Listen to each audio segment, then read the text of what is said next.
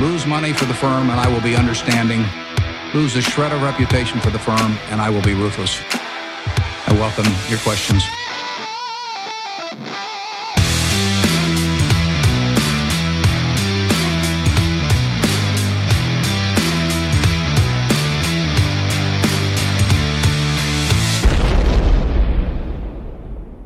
Hjärtligt välkomna till Kvalitetsaktiepodden. Det är jag som är Ola. Ja, det är jag som är Klas.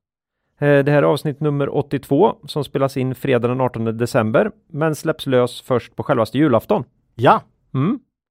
Eh, som då är den 24. 24 december. Ja. Jag var tvungen att säga det så att ni kan få håna mig igen för att jag säger sådana självklarheter. ja. Eh, idag blir det ett rent frågeavsnitt. Mm. Många lyssnare uppskattar ju när vi släpper bolagen för en stund Mm. och pratar om vår investeringsfilosofi istället. Och då gärna kopplat till frågor från våra lyssnare. Mm. Eh, ja, vi har fått in flera bra frågor. Ja. Vi får ju väldigt mycket mejl, hinner inte svara på alla tyvärr, men vi läser alla. Ja, Och eh, en hel del svarar vi på och vissa samlar vi ihop till sådana här frågeavsnitt. mm. Mm. Eh, idag Ola, Ja. ska vi beta av sju frågor. Mm. Och eh, ja, sju, siffran sju är nästan lika eh, kristet helig som siffran tre. Mm. Tre frågor vore ju alldeles för få frågor. Ja, det, det är för lite. Så att det blir sju frågor. Ja. Ja, eh, och innan här nu, eh, innan jag sabbade inspelningen, början, början av inspelningen nyss, då Mm. var det lite oväntat för dig att jag tänkte fråga varför vi ska ha sju, Ja. eh, sju frågor och hur siffran sju är med i kristendomen. Men har du någon idé här, mer än att vi har sju ljus i den gamla adventsljusstaken? Eh, I den gamla ja, det finns ju nu fem ja, alla och, möjliga. och nio armade. Och... Mm. Nej, shoot, vad, vad, Ja, men varför är sju så heligt? ja. Gud skapar världen på, Sju dagar. ja, Söndagen är vilodag. ja, Mm. fast den räknas ju in. Ja. Den var viktig. Du ska ju vila den sjunde dagen, så det är Ja. ju en del i en, ja. i en arbetsvecka då.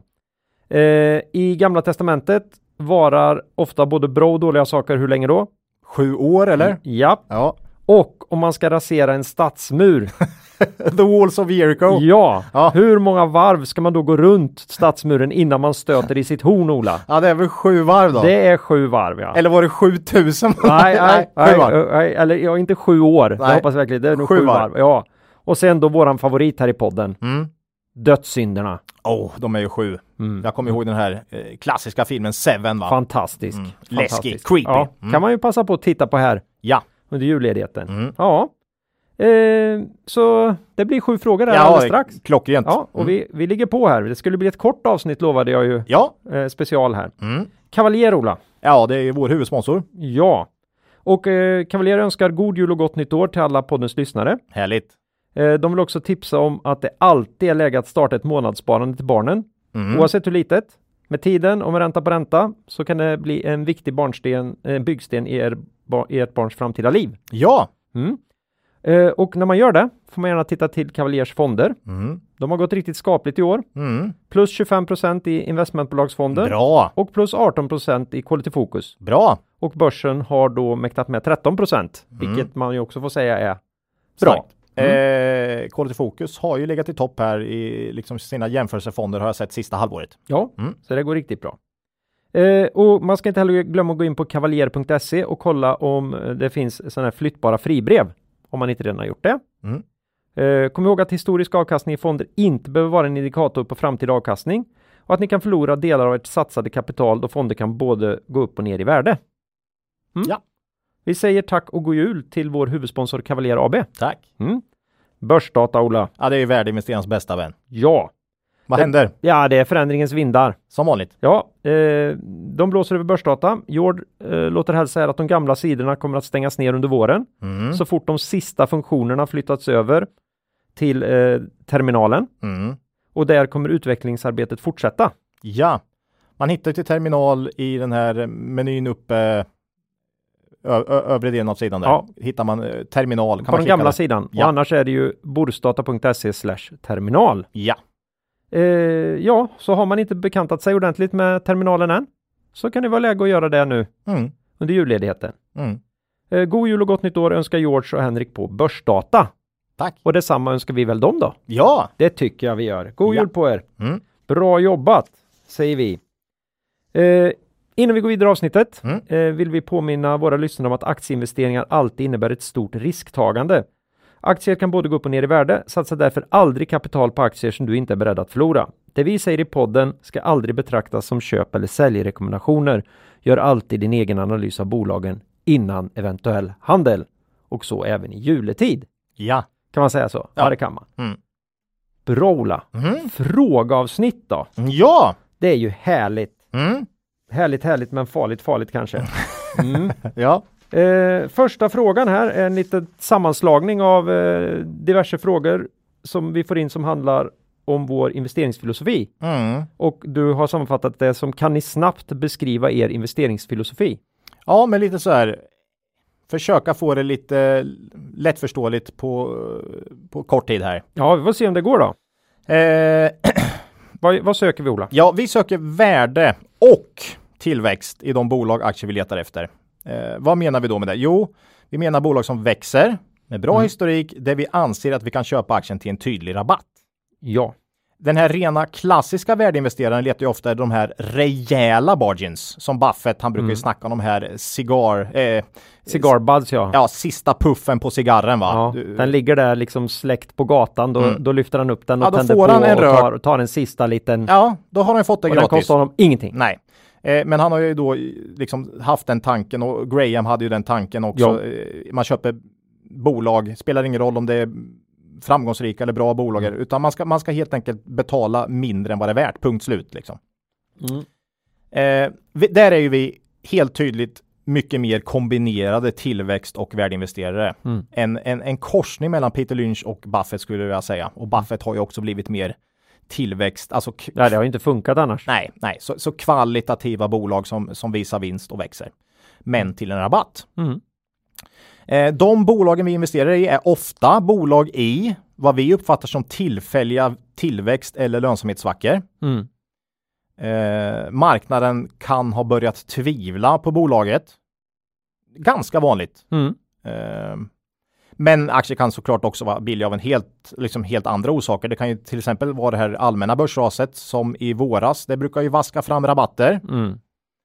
Eh, sektorer kan från tid till annan vara eh, inom citationstecken ute bland investerarna. Det vet ju till exempel det här bygghatet för två år sedan. Mm. Har, har inte liksom spel om pengar online varit lite, lite i fråga? Spel om pengar online. lite ifrågasatt. Ja, finns väl andra tillfällen. Ba bankerna Ja, kan ju bli bankerna. jädrigt ifrågasatta till och från Mm. om, om de håller på med konstiga affärer i, i, i utlandet och då kan det ju vara så att det uppenbart är en bank som har gjort det och andra banker dras med ner i skiten. Mm. Vet man då att nej, Handelsbanken håller helt enkelt inte på, de har inga affärer Nej, på det här sättet. Ja, då, Kan då kanske det kan läge. bli ett läge. Eller politiska risker eh, Mm. i, i, övrigt då. Mm. Eh, Skola, Ja, ja. Eh, vård. Eh, det går ju också upp och ner med, med någon form av politisk debatt då. Ja, ja. Ehm, ja, annars så kan det helt enkelt ibland också vara så här att ma- marknaden inte har fått upp ögonen för ett bolag tycker vi. Mm. Lite Och så. det har ju att göra lite grann med var du letar. Jo. Det är därför vi älskar att leta på Small ned, eller small cap eller nedre delen av midcap brukar ju Mm. vara. Ja. Där, där kan man ju hitta guld alltså. Mm. Precis. Mm. Eh, och det är vad vi letar efter. Mm. Och vi köper då de här aktierna om vi hittar något där som vi tycker ser bra ut. Mm. Där vi tycker att det är ett kvalitetsbolag som värderas lågt. Och då vill vi gärna ha en potential till vårt motiverat värde på 25-30 procent åtminstone. Mm. Vid köp. Och sen köper man det och håller. Men då kommer då den här nästa frågan som många frågar. Mm. När säljer ni? Och den får man ju ofta. Mm. Varför och, och Mm. när. Det, liksom man får den här. Jo, köpa det, det är ju enkelt va. Men, men det svåra är att sälja. Mm. Där brukar vi eh, säga att det finns tre olika anledningar till att vi säljer eller situationer. Mm. Den första är ju mindre rolig då. Det är ju de här gångerna då man inser eller anser eh, att man har haft fel själv. Mm. Nej, det här, här, gjorde, här hade vi riktigt fel i vår analys. Mm. Eller ja, det, det, det händer någonting. Ofta, ja, ofta är det ju i samband med en rapport.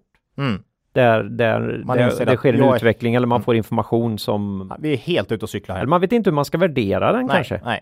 Kan också vara något jätteförvärv eller Mm. bolag som tar helt plötsligt en ny rik- inriktning Mm. verksamhetsmässigt. Men ofta är det helt enkelt att du har haft helt fel angående Mm. bolagets verksamhet framåt. Mm. Eh, Och möjligheter. och möjligheter. Mm.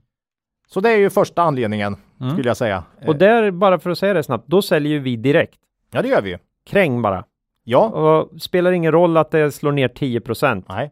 Gör, gör det bara. Mm. Skulle det visa sig sen när man har satt sig i lugn och ro, för då slipper man den stressen. Då Mm. kan man sätta sig, då kan man värdera det här. Mm. Då kanske man inser att nej, det här är ju bara, det här var ju ingenting. Det här är ju one-offs, det här är Mm. engångsgrejer eller Mm. nej, det här, det Mm. här kommer inte bli något problem. Nej. Då kan man ofta köpa tillbaka, för då har den fortsatt ner. Mm. Eller så, okej, du kanske tappar 5 Mm. Mm. Men hade det visat sig att, att det var rätt och det här var Mm. riktigt tråkiga nyheter, då Mm. är det alltid rätt att Mm. sälja av direkt. Ja. Nej men, nej men det är ju Mm. det. Sälj direkt för du har ju haft uppenbarligen fel. Och hela vår eh, filosofi. Filosofi. bygger på att du ska veta vad du köper. Och, Och gissa framtiden, nä- den närmaste framtiden för bolaget. Ja, och du har ju bevisligen inte haft rätt då. Nej. Så då, då vet du ju bevisligen inte vad du har köpt va. Så att, eh, mm. Mm. Ja, det är första då. Inte så rolig. Nej. Den andra roligare. Eh, kursen har gått upp till den här Mm.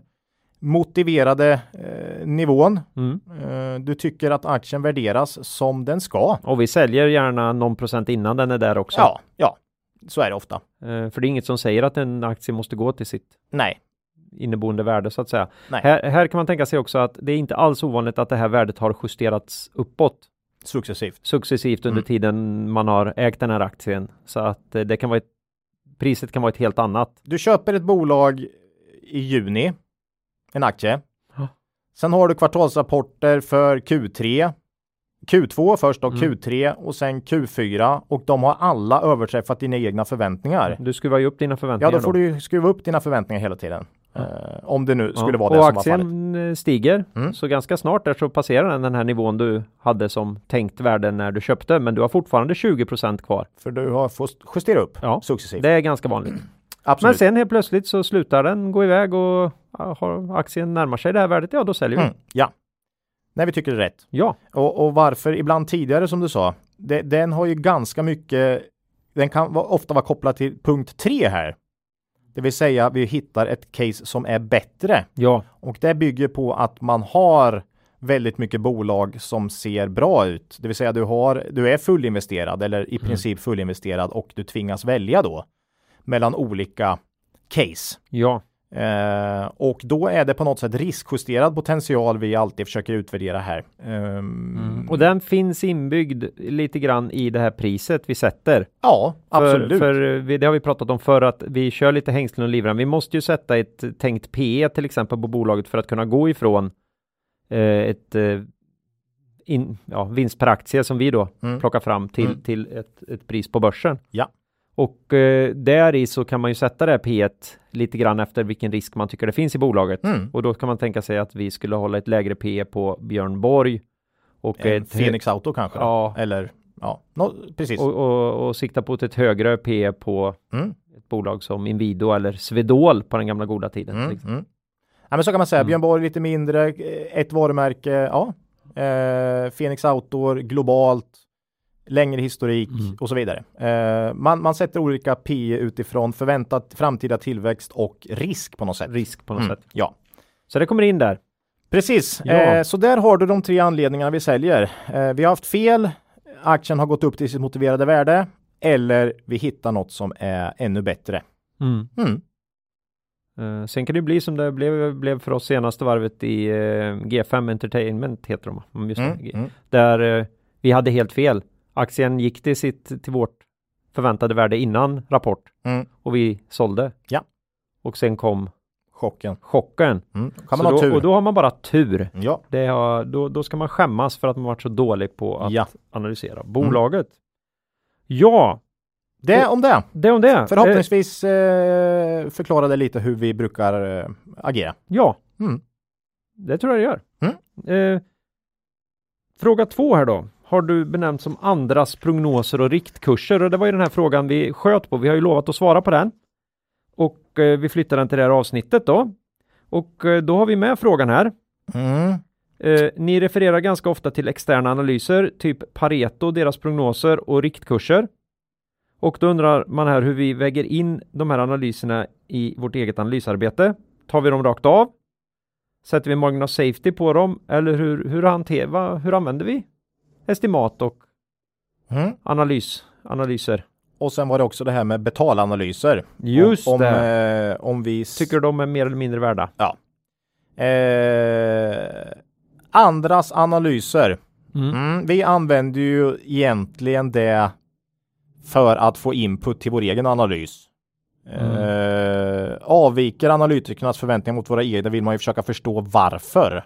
Och då är det inte så mycket själva estimatet i sig utan texten. Mm. Vad, vad, Mm. vad har de för anledningar till att sätta den här analysen? Ja, Eh, det kan vara en rörelsemarginal som avviker kraftigt från vad vi tror, eh, tillväxt och så vidare. känner de till saker som, Mm. som vi inte har koll på? Ja, och antingen landar man då i att man tycker analytikern har fel Mm. eller så upptäcker man kanske något eh, Mm. som man har missat. Så att det är mer för att du vet, vi brukar ibland säga att vi försöker slå hål på våra egna Ja, eh, analyser och det är ju ett sätt att försöka hitta eh, fel. Det är så vi använder man andras ska ju analyser. aldrig leta efter anledningar till att det ska bli Nej. som man vill, Nej. utan man ska hitta anledningar till varför det inte kommer bli Ja, så. ja. Och, och har man svårt att verkligen hitta sådana, Mm. då, då är det bättre. Vi gör alltid våra egna analyser och räknar ut margin of safety utifrån vår egen analys. Mm. Vi kan dock stämma av den mot andra för att se om det är något där vi avviker kraftigt och i så fall varför. Mm. Det är liksom det som är. Och, och sen eh, en anledning till att de dyker upp mycket i podden är ju för att vi vill berätta att det finns andra som också analyserar de här bolagen. Mm. Så att vi vill gärna att ni som lyssnar också ska titta till vad andra har att säga. Lyssna inte bara på oss. Nej, det kan vara bra att få med omedelbart input från andra också. kan få bra att få med någon annan syn på Mm. bolaget, aktien Ja. tycker vi. Eh, kommer man fram till samma resultat som de här eh, an- analyserna Mm. så kan ju det stärka känslan av att man kanske är rätt ut också. Mm. Eh, Så det kan ju vara en bra sån grej, tycker jag. Eh, betalanalyser.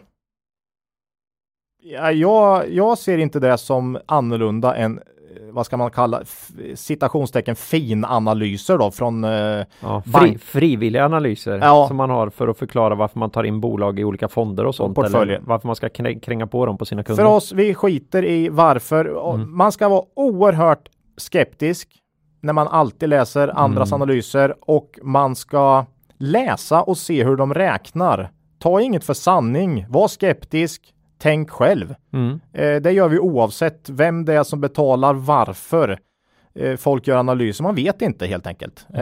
Eh, Men analyser har ju hjälpt en åt båda håll många gånger. Både Absolut. att hitta saker man har missat. och som har stärkt caset Ja. och definitivt tvärtom. Mm. Saker man har missat som är sådana flås som man eh, Mm. Det kan ha att göra med att de ibland har de insights Mm. som man har svårt att hitta om kunder och sånt till bolag. Ja. Där man kan få riktiga sådana kallduschar. Och då är det Ja, bra att ha jag- fått dem. Jag, tror, jag kan nog säga att det som ger mig mest är nog eh, finanspressen då. Mm. För där, de brukar vara väldigt oberoende. Mm. Och där tycker jag man kan få en, eh, en nyanserad bra bild ofta. Mm. Affärsvärlden till exempel. Ja, eller Mm. Börsveckan och så vidare. Mm. Mm. Dagens Industri och, och Ja. så. Mm. Eh, men men eh, ja, eh, vi läser allt skulle jag säga. Mm. Och så får man bilda sin egen uppfattning utifrån det då. Eh, se om det är något man har missat i sin egen analys. Ja. Nej men vi får ju väldigt ofta frågan om Genesis IT till exempel. Varför, Mm. varför den ser så sjukt billig ut, kommer ut i alla screeningar. Mm. Eh, Det räcker ju med att man hittar en analys på dem Mm. så förstår man ju omedelbart. Det finns inte en eh, analytiker med självrespekt som inte tar upp problemet med Genesis och det är att de har i- en kund i allt väsentligt. Ja, en, en väldigt dominerande kund. Ja, Mm. och det är ju en jätterisk. Precis. Ja, Där eh, kan vi väl stanna vad gäller andras analyser. mm. Mm. bra. Fråga tre. Eh, ja, eh, vi har fått en fråga här på Twitter Mm. eh, och eh, det här handlar om allokeringen då som vi pratade om innan. Mm. Hur man ska fördela sina pengar på olika bolag och på olika sätt över tid. Eh, och att eh, då tycker den här frågeställaren att eh, den är alltför underskattad den här frågan. Mm. Eh, att det går att öka riskjusterad avkastning signifikant genom att ligga rätt här. Mm. Och hur man då, hur, hur mäter man då Mm. riskjusterad avkastning? Ja, här är ju, det, här, det här är en svår och Ja. bra fråga. Eh, vad gäller riskjusterad avkastning. För det första så vi, vi känner väl att det går liksom inte riktigt på förhand att säga om du har om en viss investering är en så kallad bra riskjusterad investering eller vad det nu är, utan du ser med tiden hur din portfölj utvecklas. Alltså vi snackar 10-20 år. Du då, kan aldrig- du få, ja. då kan du få en, en känsla av hur stor och bra riskjusterad avkastning har du. Så, så det är ju inte så att ett enskilt bolag går och pekar och säger det där, eh, utan det handlar ju om en, din investeringsfilosofi. Eh. Mm. Eller din investeringsstrategi skulle jag säga, det du verkligen följer. Strategin är ju den du exekverar på då. Mm. Hur, hur, hur det blir över tid. Mm. Hur svängigt blir, hur svängig blir din avkastning? Vad händer med dig när vi får den här typen av ras som vi fick här i våras och så vidare jämfört med andra och Och hur bra presterar du över tid? Ja. Det, det, det är den som är, och det, det är lång tid. Det är det som är lite jobbigt när man får de här som, som har liksom hållit på med aktier i tre år. och, och i en sån här sjukt haussig börs ofta Mm. då. Nej, men det är väldigt svårt att, veta vad man då har för riskjusterad avkastning. Oerhört, eller omöjligt skulle jag säga. Eh, vårt mål har alltid varit och kommer alltid vara att vara bäst på riskjusterad avkastning. Ja, vi har ju valt det eftersom det är så svårt att mäta. Ja, nej, ja, men liksom det, det är den tanken vi har i Ja, alla fall. Eh, vi hatar risk. Liksom. Jag tycker det låter helt sjukt nu när du säger det, men Mm. vi, vi uppfattar ju att vi har en slags känsla för det där. Ja, eh, Mm. och det är ju på grund av att vi har hållit på länge och Mm. är trygga med vad vi har i avkastning och vad vi har för variation mellan år. Mm, för variationen här är ju viktig. Ja. Eh, angående allokering här då, för den får man ju ganska ofta. Hur många bolag ska man ha? Vad är optimalt och så här? Då brukar vi normalt själva ha mellan 6 och 10 bolag i vår portfölj. Max 15 procent i ett enskilt bolag brukar vi säga. Eh, vi vet såklart från tid till annan vilket case vi tycker känns riskjusterat bäst och vilket som har störst potential. Men att gå in med liksom 50 procent i ett sånt bästa case, det är inte riskjusterat rätt enligt oss. Det kan alltid hända saker. Ja, Ja, liksom men tänk... Scandic, alltså ja, vi hade, man hade kunnat ligga jättetungt i Scandic Mm, om man hade börjat för fyra år sedan. ja, Hade sett helt fantastiskt ut. Här har vi nya ICA, Mm. fast med bättre tillväxtmöjligheter. mm, Vad händer då? ja, eller oegentligheter. Ja, Händer från tid till annan. Det får så oerhört stora konsekvenser för din portfölj Mm. om du har gått så tung i ett enskilt case. Eh, så bra är du inte, skulle jag säga. Det är ju så Eller- bra är inte bolagen. Nej, de vet inte ens själv. Så att vi, vi tycker 15% max är en, en, en vettig nivå. Eh, då, kan, då gör det inte så ont om du skulle ha fel då, Mm. helt enkelt. Eh, för det har du ju, från tid till annan. Ja. Eh, Alltså, här har vi också hela den här med never lose money. ja, Det är så jäkla jobbigt att ta igen förlorade pengar. Tappar Mm. du, går du ner 50% så ska du upp 100. 100. Den är bra och... För kom ihåg det. Mm. Det är många som går omkring och inte ser den skevheten och tänker att det är 50 ner och 50 upp. Nej, Nej. då har du hälften kvar sen igen Ja. och tar det tillbaka. Never lose money.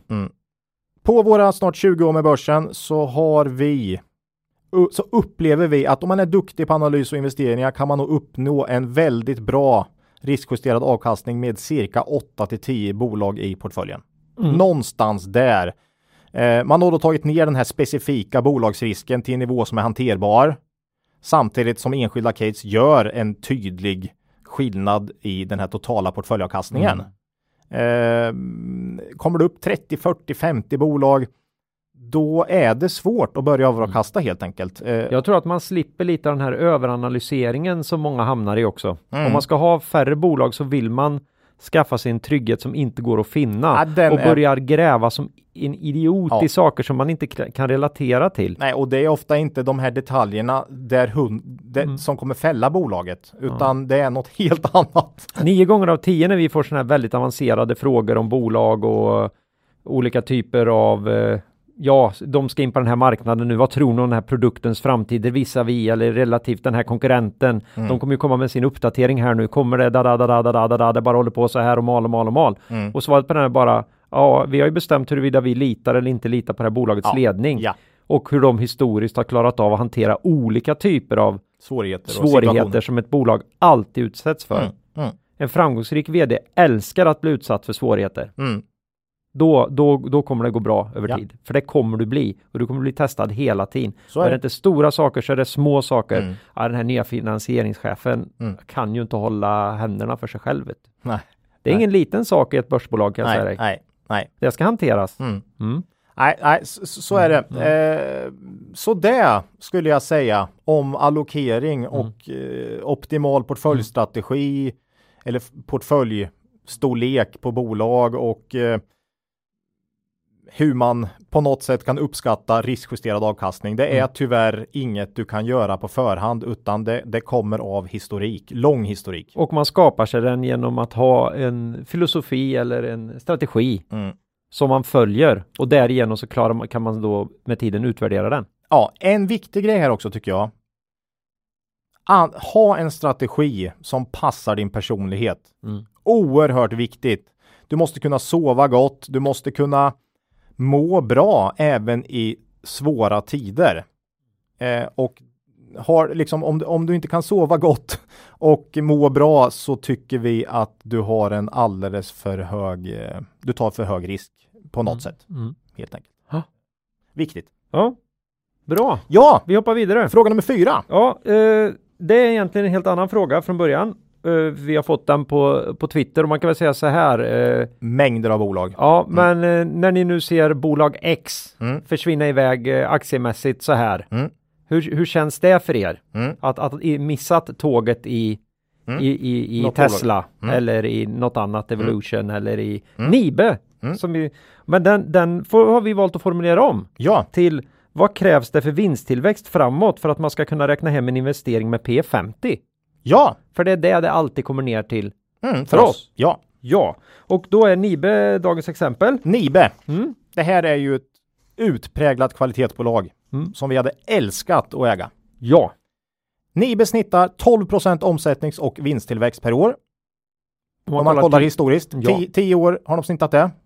P talet är idag 56. De tillverkar värmepumpar och lite kaminer, men värmepumpar i huvudsak. Ja. Ja. Jag har en sån. Mm. Bytte min gamla Nibe mot en ny Nibe. Så jag, Ja. jag är väldigt trogen Nibe. Mm. Min, eh, ja, jag tror att genomsnittslivslängden på en värmeväxlare, ett fjärrvärmenät är så här 40 år eller något sånt Mm. där. Vad har du? 17 höll 17, min. ja, men Mm. det är inte dåligt. Nej. Eh, om man har ett avkastningskrav på 10 Mm. och det tycker vi att man bör ha när man investerar på börsen. Det vill säga man vill ha avkastning på 10% per år. Ja, annars är det liksom inte värt jobbet. Nej, vi tycker inte det över tid. Det, alltså det där måste du försöka ligga. Om du har ett avkastningskrav på 10% per år och Nibe fortsätter leverera samma tillväxt framöver som man gjort historiskt så är man break-even på ett köp idag i Nibe på knappt 40 år. Mm. 2060 så är du då ungefär break-even. Mm.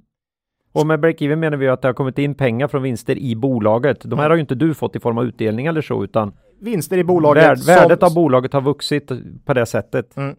Och i du förhållande anses ju till din ursprungsinvestering. Vi ser ju dig som är en faktisk ägare i bolaget. Mm. Och då, då kan man räkna så. Vi tycker ofta att man ska kunna räkna hem en investering på 15 år. Mm. Det är liksom inte rimligt. Det kan ju vara Det kan hända rätt mycket. fem på 15, världskrig ja. och ja, nej, så att vi, vi tycker man ska kunna räkna hem en investering på 15 år, eh, vilket vi brukar tycka är rimligt, eller hur? Mm. Ja, Då måste bolaget istället för Nibe då, istället för 12 årlig vinsttillväxt leverera 27 årlig vinsttillväxt under dessa 15 år för att man ska kunna få igen sina pengar. mm. Eh, efter dess ska man ställa det här i relation då till någonting. Mm.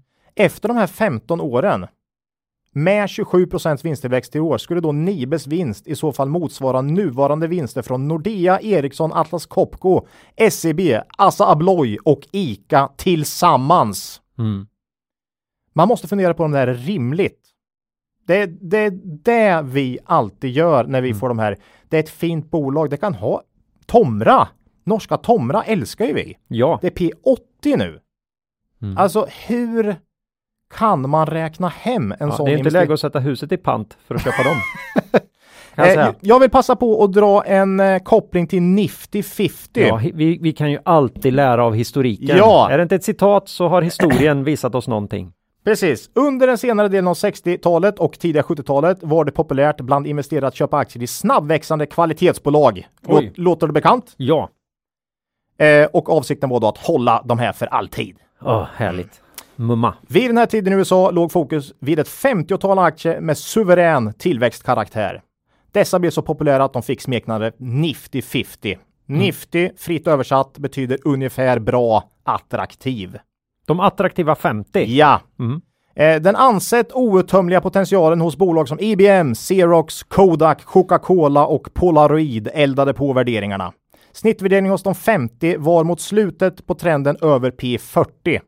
Men det ansågs ha mindre betydelse eftersom vinsttillväxten skulle bestå över decennier. Och det handlar om decennier för att kunna räkna hem de här. Det har vi precis. Mm.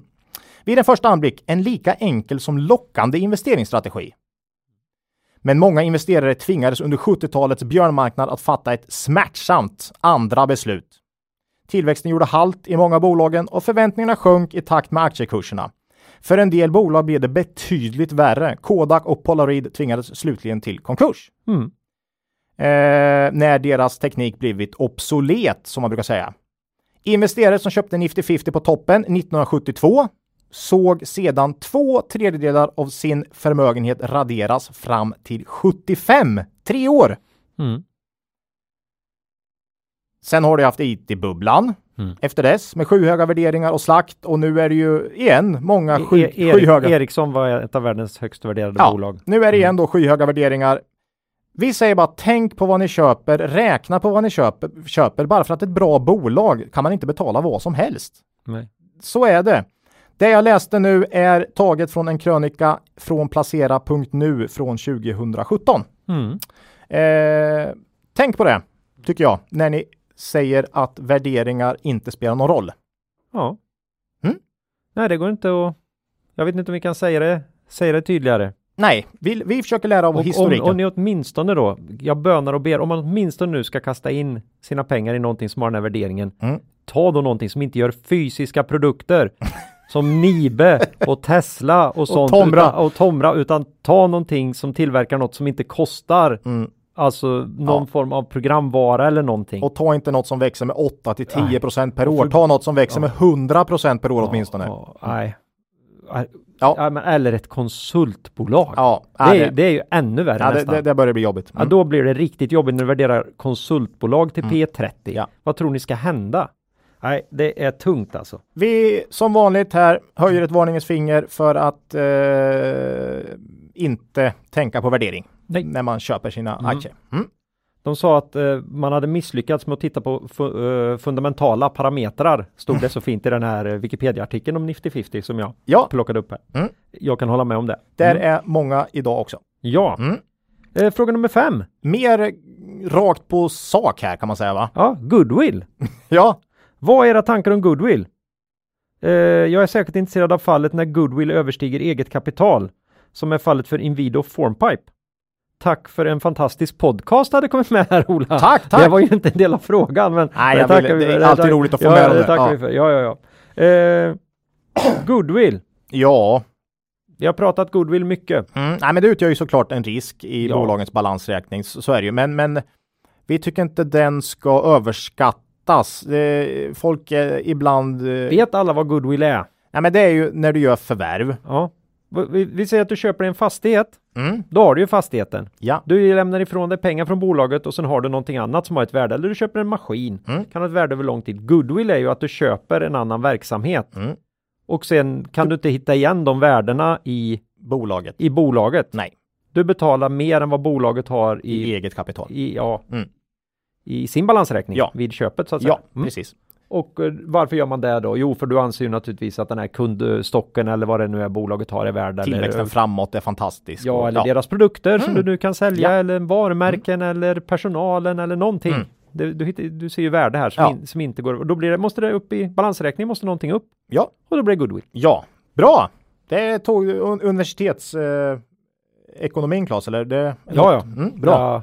Den sitter. Den sitter. Som Ja. en smäck. Eh, vad händer då? Vad är risken här? Jo, nedskrivningar är ju risken Mm. här. Det Eh, visar sig att de här värdena kanske inte riktigt fanns Nej, precis. Man har gjort dåliga förvärv. där. Mm. Eller man har betalt för mycket. Man har betalt för mycket. Ja, men det, det får väl nästan vara lite samma grej. Ja, ja. Eh, Bolaget går inte riktigt så bra som du hade hoppats va? Nej. Eh, det blir nedskrivningar. Mm. Det är risken. Här har du ju lite olika fall då. Jag tycker många mindre förvärv eh, är såklart eh, mindre risk än ett stort. För eh, om några av dina 50 förvärv, som Mm. till exempel Inwido här sista 10 åren eller ja, Nibe har ju också eh, goodwill som överstiger eget kapital eller åtminstone immateriella tillgångar som överstiger eget kapital. Många mindre förvärv i Nibe är inte samma risk som eh, av typen eh, Nettens förvärv av Red Tiger. Mm. Eh, När man el- köper något som är nästan lika stort på ett sätt. Ja, eh, och du liksom allt hänger på det förvärv. Eller Byggmax förvärv av Skånska Byggvaror var ju jättestort också. Mm. Det blir väldigt mycket förknippat med det här förvärvet då. Mm. Har man gjort fel i det här förvärvet, då blir det smärtsamt ofta. Mm. Eh, så, Många har ju kommit undan lite väl lätt på grund av de extremt låga räntorna även för företagen. De har ju Mm. kunnat de har ju så att säga kunnat ha, ta de här mm, ko- ja, lå, lånekostnaderna har varit så pass överkomliga så att det har gått att misslyckas här mm, ganska rejält. precis.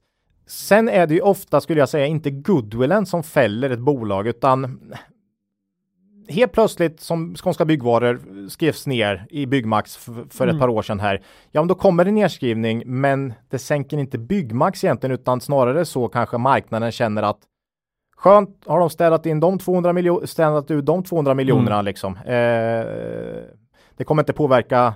Eh, verksamheten framåt, Mm. utan snarare att man har fått bort ett lik. Va? Ja, och nu har man fått ordning på Byggmax eller på Skånska här så Ja, att eh, nu, ja.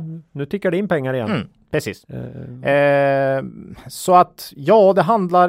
Vi brukar, precis som frågeställaren säger här, vi brukar ha en sån här checkpunkt mot just eget kapital. Ja. Vi tycker den är, det är ändå någonting att hålla i. Och då brukar vi faktiskt säga att med, från 1 till 1,5 gånger eget kapital, någonstans där, tyck, där blir det högre än en och en halv. Där börjar vi hissa varningsflagg. mm. Eh, Netent hade väl tre om jag kommer ihåg rätt. Eh, Mm. tre gånger eget kapital i goodwill efter förvärvet av Red Tiger. Och, Och då har man ju lånat ganska mycket pengar. har man lånat också. Så att, Mm. eh, ja, man ska inte, framförallt om det är många småförvärv, då eh, tycker inte jag goodwill är, och den är rimlig, det vill säga den är inte två gånger eget kapital. Eh, men ha gärna eget kapital som någon form av check faktiskt eh, och koppla det till goodwill. Eh, Mm. Men var inte överdrivet orolig. Att, man kan missa en del bra case om man sätter för hårda krav där helt enkelt. Mm. Ja, ja, det är om goodwill. det var goodwill. Mm. Eh, belåning. Här har vi fått en jättebra fråga tycker jag. Mm. Eh, varför är ni så positiva till att bolag ska belåna sig för att göra förvärv? Ja, så positiv var Men jag inte. Men, inte eh, vi privatpersoner. ja, ja. Nej, men visst, vi, vi tycker det är bra med, vi vill inte ha massa eh, för stora kassor, gärna när man köper, men sen vill vi inte ha kassorna kvar. Nej men det är väl bolagen. om man lyssnar på den här podden skulle jag lite liksom om man ska vara lite raljant här så sitter vi och säger låna aldrig pengar till att köpa aktier. Nej, Samtidigt som vi sitter, ah, här har man ju tagit upp ett rejält lån för att göra det här förvärvet i AQ. Ser ju kanon ut. ja, men vi, Fan vad bra! ja, men vi vi, st- står här och applåderar och Jo, håller på liksom. men vi och stämmer det ju är ju två av. helt, Ja. det, för det är två helt olika händelser. Ja, det är det. Det är Och, fundamentalt olika händelser. ja, och, men vi ska också säga att vi stämmer alltid av bolagens eh, nettoskuld Ja, ja, ja. mot vinst. Men, men, vad är skillnaden här då? Mm. Det verkar finnas en skillnad i hur vi ser på det i alla fall. Ja, det vi är negativa till först och främst är belåning med aktier som säkerhet. Och det är Mm. det vi brukar lyfta fram. Det finns ju en risk då att du inte själv kan bestämma när du vill sälja. Mm. Det är liksom den du får. Det är en tvångsförsäljning från Avanza eller Nordnet. Mm. Eh, belåning av hus eller ett företag som tar upp viss belåning för ett förvärv. Är liksom, det är en helt annan sak. Eh, lånet är liksom kopplat till ditt hus eller till det här förvärvet medans du när du belånar din aktieportfölj belånar med dina aktier som säkerhet. Mm. och den är mycket mer volatil än ett huspris. Punkt slut. Ja.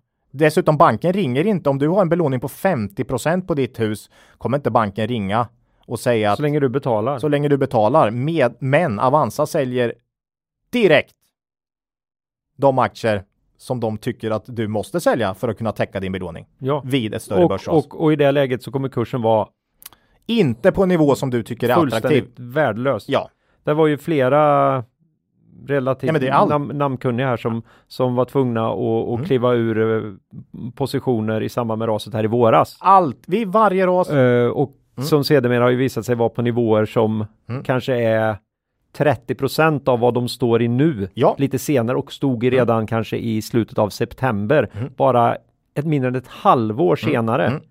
Mm, mm. Och det var för att man inte klarade av eh, att uppfylla sina garantier Mm. för de lån, Mm. aktielån man hade gjort. I varje börsras är det ju alltid några som dras med. Eh, vi brukar kalla det wiped out, Ja. eh, det vill säga du blir bortsopad då. Du utsätts för ett så kallat margin call. Ja. De här har många.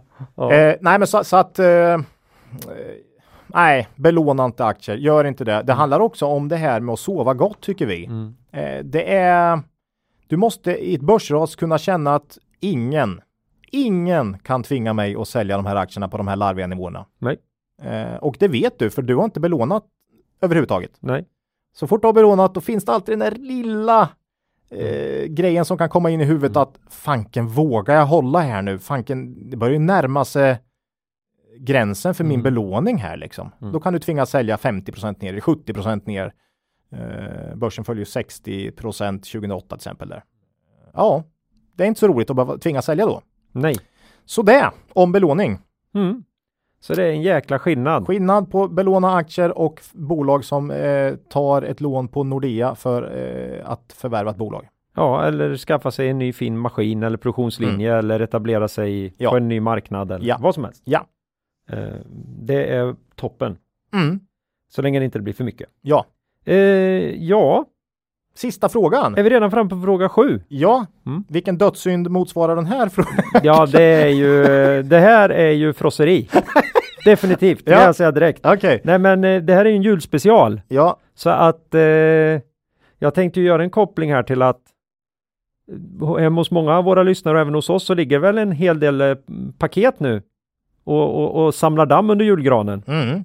Och det är ju lite onödigt Ja, det är för det. att de ska ju inte öppnas. Nej. Och vad är det vi då har? Där har vi alltså ett varulager då va?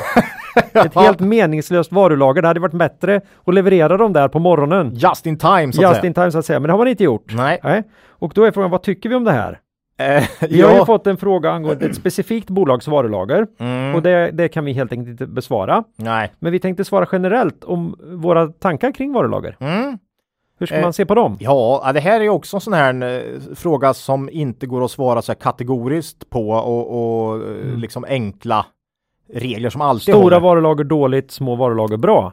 Nej, Så är det verkligen inte. Nej, det här handlar ju ofta, all, eller alltid, om en diskussion om varulagets storlek så att säga. är Mm, Man det för, binder kapital som man Ja. borde använda istället i verksamheten till att utveckla den och ja, eller inkur, betala ut till inkur, ägarna. inkuransrisk. Ja. Eh, Alltså, grejer ligger där och blir gamla och kommer aldrig gå att Sälja. sälja Nej. eller använda. vi brukar ju ofta tänka på vad är det för typ av produkter?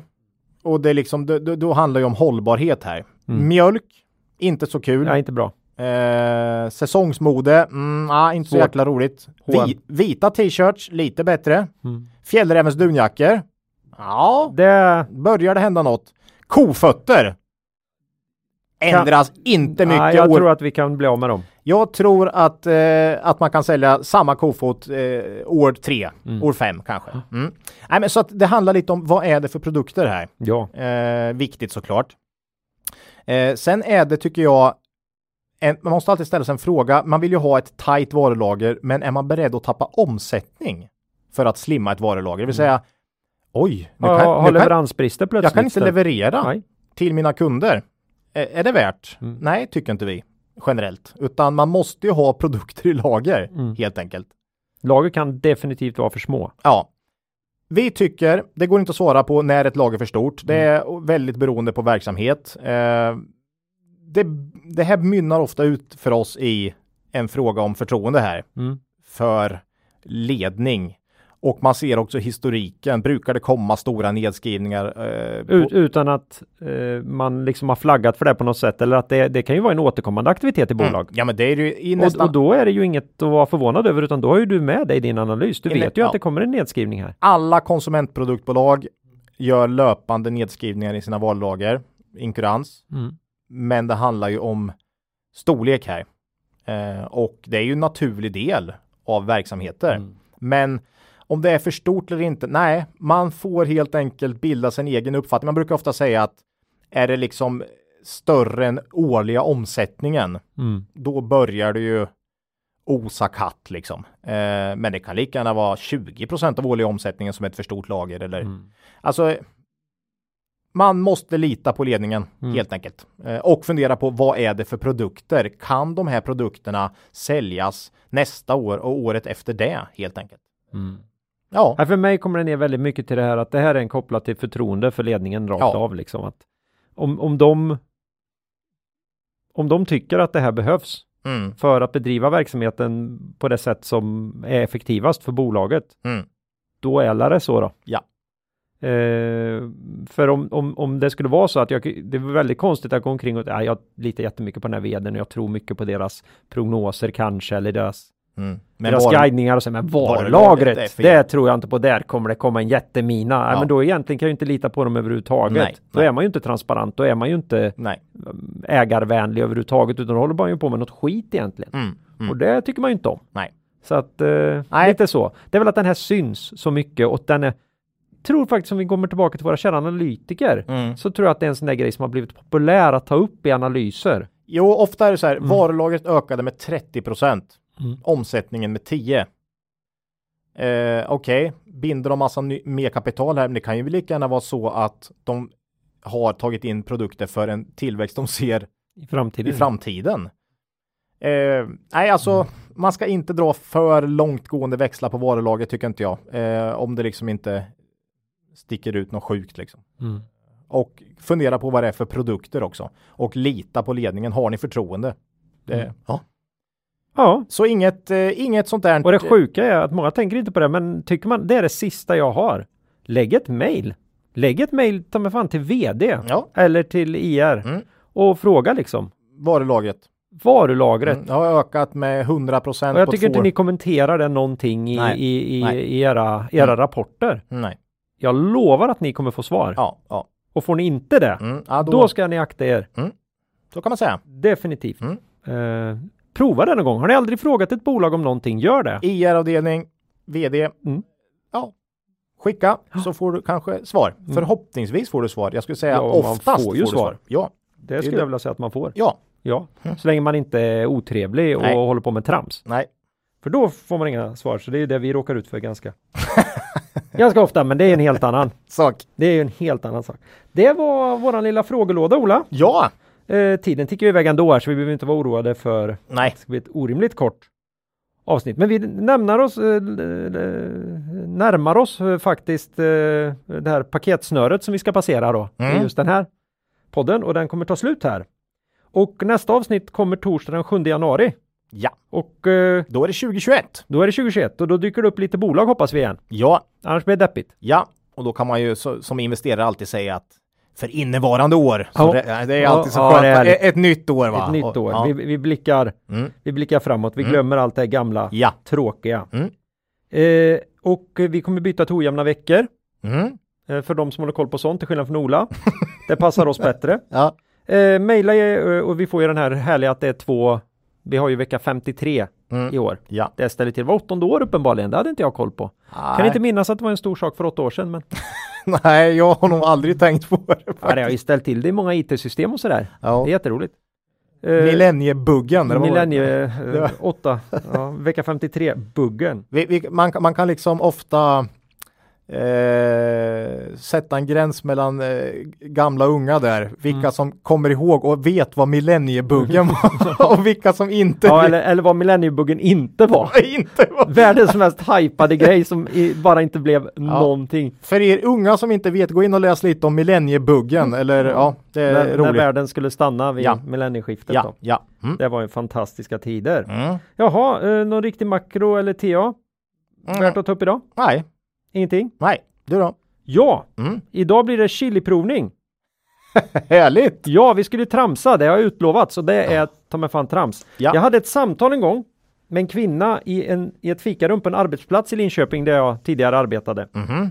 Eh, och jag minns inte hur ämnet kom upp. Nej. Vi kan ha varit flera stycken som var inblandade i det här samtalet också. Mm. Men hon konstaterar ändå krasst att det enda som är tråkigare än att lyssna på någon som berättar om en dröm den personen har haft, Ja, det är att lyssna på en man som berättar om hur stark mat han äter. ja, det är fantastiskt. Och, och för att respektera den fullt rimliga synpunkten från den här kvinnan i fråga, ja. men ändå då få, få vara sådana här män som tycker det är coolt att äta stark mat, ja, så har vi valt att förlägga den här punkten till efter slutvinjetten på dagens avsnitt. okej. Så vill ni höra oss äta löjligt starka chilipraliner Mm. Och sedan då medan de verkar recitera Viktor Rydbergs Tomten. Mm. Så kommer det som en extra bonusjulklapp. Ja, ja, en unik möjlighet har man att göra det Mm. just efter slutet på det här Avsnittet. avsnittet. Härligt. Eget ägande Ola. Nej, vi behöver inte, vi har inte pratat om några bolag, Bolag idag. på det sättet va? Nej, nej.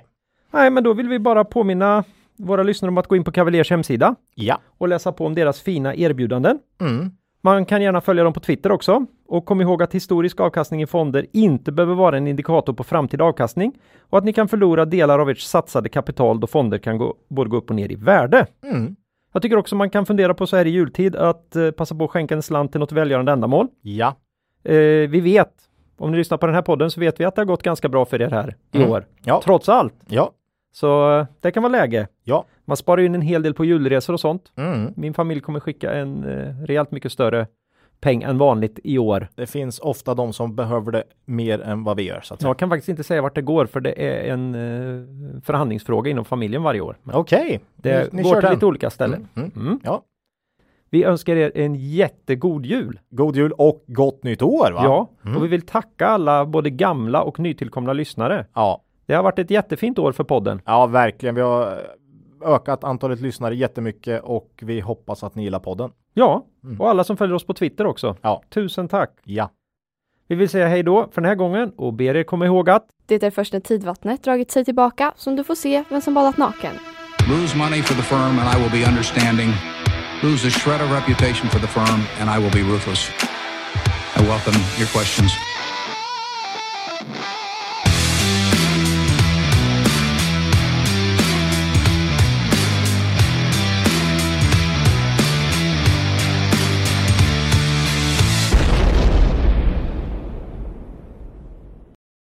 Tack får vi väl säga då till er som väljer att tillbringa lite extra tid med oss. Så här i juletid. Ja, för er, för er då så tänkte vi ju i, nu här i podden testa de starkaste pralinerna från vår största idol. Näst efter Warren Buffett. Chili Klaus! Ja, vi pratar om världens bästa dansk. Precis. Och hans julkalender för vuxna. Det låter inte så bra. Nej, Från början inte. hade jag skrivit vuxenkalender här. Det var sämre kan jag säga. Ja, ja, ja. Och, det, och när man får reda på vad den heter så blir det bara värre. Den heter nämligen Jingle Balls. den här kalendern. eh, och eh, han har ju riktigt heta chilipraliner i den där. Mm. Och om man inte känner till Chili Klaus så kan man ju söka på Youtube. Ja, finns ju mängder, Mängder. med klipp då han med kända människor provar olika chilisorter och eh, eh, man kan följa reaktionerna. Så Ja, han har gjort en karriär på det där kan man säga. ja. Och han har då också eh, börjat eh, tillverka och sälja de här olika pralinerna då. Mm. Med, så det är en känd styrka, för det är ju en grej med chili. De här riktigt starka chilisarna, det är ju upp till den... En, de är ju individer. Mm. Världens starkaste chili heter ju Carolina Reaper. Mm. Och eh, det ska ju då någonstans, en, en sån medel Carolina Reaper har 1,5 miljoner Scoville. Scoville. Mm. Och det är väl ungefär där de här pralinerna då som vi ska äta idag ska ligga. Men en stark Mm. Carolina Reaper Upp och och två, världsrekord- världsrekordet är väl 2,5 nästan va? Eller Ja, 2,3? två- och 2,3 ungefär Mm, någonstans. mm. Eh, så att eh, Ja, ja, och eh, han räknar inte i Scoville för han är ju lite mer ja, kommersiell än så, utan han har uppfunnit en egen skala som är vindstyrka Mm. från 1 till eh, 15. och det här är då 15. Och en habanero är väl en 9 Mm. i den skalan ungefär, om ni vet vad habanero är. Det är motsvarar ungefär 300 000 Scoville normalt Ja, vet jag. upp till 500 kanske till och med, om Ja, de är kanske, riktigt starka. kanske. Och, och här, här är vi nu då på 15. Värre än så har han inte hittat på än. Mm. Vår vän Ja. Chili Klaus då. Mm.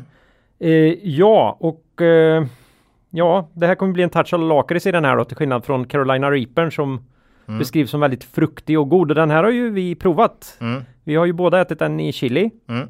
eller i salsa menar jag. Ja, ja. Och du har även käkat små bitar Carolina Reaper. Rakt av ja. Mm. ja det är rejält starkt. Men jag äter ju mycket. Jag är en av de här som den här kvinnan lite eh, såg, såg ner på då. Mm. Jag- Med nej, all jag- rätt, jag- med all rätt. Kanske inte skryter så mycket men jag... Ja, du pratar inte så mycket Nej, men jag gillar väldigt stark mat och gillar styrka. Mm. Och lite testa gränser där också. Ja. Eh, Faktiskt, det är lite det det handlar om ju. Mm. Vi hade en fantastisk upplevelse här eh, på en lokal restaurang som har tagit in en indisk rätt. Vindaloo. För, Vindaloo för några år sedan. De har en, en, en varje vecka. Mm. Och vi gick på Vindaloon där. Mm. Det var svettigt. Den, då hade kocken haft en bra dag i köket och vi satt bara och konstaterade att det här kan ju inte folk äta. Och mycket riktigt när vi gick och frågade sen hur, hur, hur Vindalon hade mottagits så fick vi reda på av ägaren där att det kanske hade varit Lite starkt. lite starkt. Hon sa att hon var inte så där jätteglad på kocken. Nej. Men att kocken då hade sagt att ber du mig göra en vindaloo så ska det fan vara en vindaloo. Liksom. och skylla sig själv om Så jag kommer om ihåg det här då så ja. det från din näsa Claes. Ja, ja. Det, det var ja, så ja, ja, det jäkla bara, starkt. det bara rann ju. Eh, Ja. Eh, Det är precis sånt här snack som hon tycker så mycket om då. Den Jo, jag förstår det. Ja, ja. Nu ska vi käka den här och hur gör man då det här? Normalt sett Chili Klausan är ju på YouTube. YouTube det, det här för är att- första och kanske sista gången någon äter sånt här på eh, radio. Ja, eller i podd, för det är ju I podd. egentligen helt meningslöst. Och hur ska vi ens försöka fånga Smärtan. vad som händer i våra kroppar när vi äter de här? Mm. Jo, vi ska citera Viktor Rydbergs Tomten, eller? Ja, det är, ju ändå en, det är ju ändå en julspecial. Så ska vi se om vi kan göra det helt obehindrat. ja, Eh, så att det är det som kommer hända här nu. Mm. Vi kommer eh, käka varsin sån här pralin. Mm. Tycker vi att det tar för dåligt så tar vi en till. Ja, kulor i, med en diameter på en och en halv centimeter. Men det är ju långt ifrån, eh, det är ju mycket annat i den här också. Så att, Ja. så att det är ju inte, det här motsvarar ju inte en hel Carolina Reaper så att säga. Utan Nej. det här är, ju, eh, du får ju Det är, själva, taste. det är ju ett chokladskal med den här chilin i. Mm. Och sen är det lite lakrits inuti den då. Ja. Jaha Claes. Ja, eh, vi är alltså inte sponsrade utan vi har betalat hard, hard, Du, hard cash. Du har. har, har gjort det för att få tag i de här pralinerna. Ja. Så det här gör vi bara för att, att späka oss själva. Mm. Ja, Vi har ätit Eh, lunch.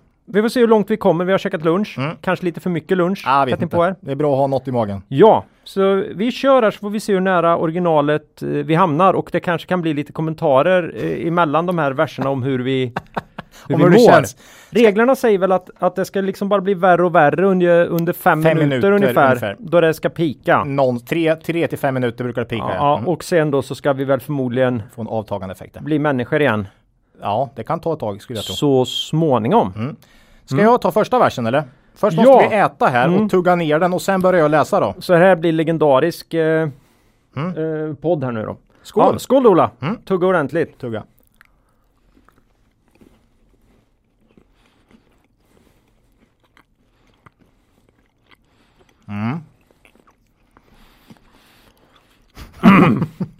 Mm, gott!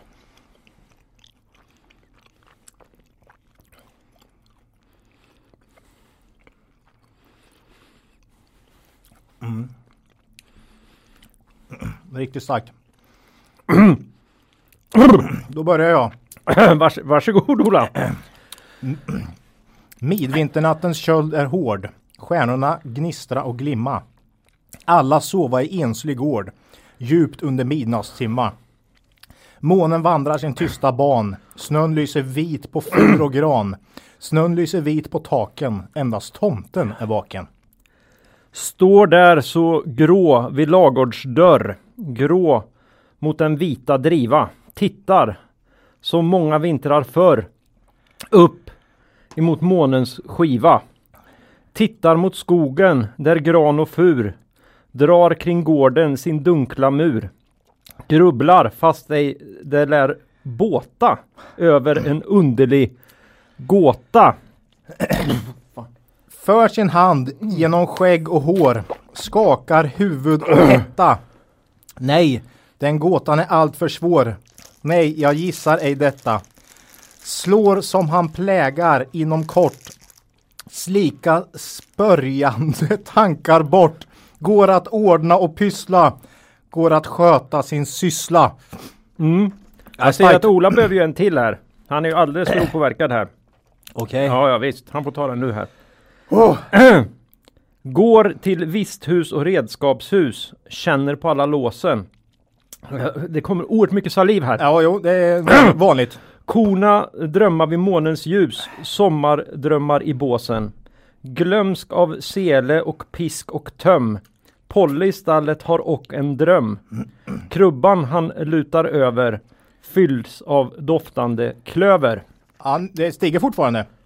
Ska vi ta en till? Ja, vi tar en till. Jag läser min. Du tar mellan den här så tar jag mellan nästa då. Ja, Går till stängslet för lamm och får. Ser hur de sover där inne. Går till hönsen där tuppen står. Stolt på sin högsta pinne. Karo i hundbots halm mår gott. Vaknar och viftar svansen smått. Karo sin tomte känner. De är och goda vänner. fint, fint där med hunden Ola. Ja, Nu börjar jag svettas lite. Jo, nu rinner en del. Uh. Fan. Eh, Tomten smyger sig sist att se. Husbondsfolket är kära. Länge och väl han märkt att det hålla hans flit i ära. Barnens kammar han sen på tå Kammar eh, Nej kammar han sen på tå nalkas att se de söta små. Ingen må det förtrycka. Det är hans största lycka. Hur går det? Det är bra. Vi kör. kör. Så har han sett dem. Far och son. Ren genom många leder. Slumra som barn. Men varifrån komma det väl hit neder? Släkte följde på släkte snart. Blomstrande åldrande gick, men vart? Gåtan som icke låter gissa sig kom så åter. Eh, eh, tomten vandrar till ladans loft. Där han bo och fäste. Högt på skullen i höets doft. Nära vid svalans näste. Nu är väl svalans boning tom. Men till våren med blad och blom kommer hon nog tillbaka. Följd av sin näpna maka. Nu svider det bra i munnen. Tre verser kvar då. Ja men det här går ju. Då har hon alltid att kvittra om månget ett färdeminne. Intet likväl som gåtan som rör sig i tomtens sinne. Genom en springa i ladans vägg lyser månen på gubbens skägg. Strimman på skägget blänker. Tomten grubblar och tänker. Oerhört tryck i öronen har jag. Fruktansvärt tryck i öronen alltså. Det är jävligt otäckt. Nej, en sån klassiker. Oh. Saliv till, saliven fy rinner ju fan. ganska rejält. Åh, eh, Klarar du näst sista? ja, ja. Eh. Tyst. Tyst är skogen och nejden all. Livet där ute är fruset. Blott från fjärran av forsens fall hörs helt sakta bruset. Tomten lyssnar och halvt i dröm tycker sig höra tidens ström. Undrar vart, hä- vart hän den skall fara. Undrar, undrar vart källan må vara. Den har inte pikat för mig än. Det stiger fortfarande. stiger. Midvinternattens köld är hård. Stjärnorna gnistra och glimma. Alla sova i enslig gård. Gott intill morgontimma. Månen sänker sin tysta ban. Snön lyser vit på fur och gran. Snön lyser vit på taken. Endast tomten är vaken. Ja, det kan jag säga. Det där var tufft alltså. Uh. Ja, fast det här är ju inte... Många får ju hicka. Nej men det här är inte Carolina Reaper eh, Nej, style för det här är väl den nivån som s- salsan var på. Lite, lite värre men inte mycket. Nej, men, men, men rejält, rejält starkt är det ju. Ja fy fan. Men det är inte samma, ska jag säga, smärta Nej. eh, som en ren Carolina Nej. Reaper. Nej det kommer ju, vi ska ju odla Carolina Reaper i planen. I vår ja. Ja, Mm. Jag har vi, frön kanske, hemma. vi kanske får återkomma. Ja, du svettas ganska rejält nu Claes igen. Uh, det är öronen värst alltså. Det är ju Ja. verkligen... Nej, jag har ja, inte öronen, men det är ju klassiskt. verkligen ont alltså. Ja, Det är som, jag vet inte, det är som att... det är klassiskt Claes. Fan. Det är inget konstigt. Det är så det brukar vara. Oh. Fy fan vad härligt. Men man kan, alltså att talet eh, klarar sig så bra. Det är tycker jag var mest saliven konstigt. tycker jag som eh, gör att det blir Ja, det svårt. rinner ju till. Ja. Mm. Ja, Jaha, ja nej men, eh, men det då, var ju... eh, tomten och Viktor Rydberg samtidigt som han äter eh, väldigt starka eh, chili, chilipraliner. chilipraliner. Julchilipraliner. Ja, vi får se när... Eh, Jag inser ju lite grann ändå hur stark den här är och hur orimligt det är. Att jag tror att det är tre eller fyra omgångar sådana här praliner i kalendern. oj.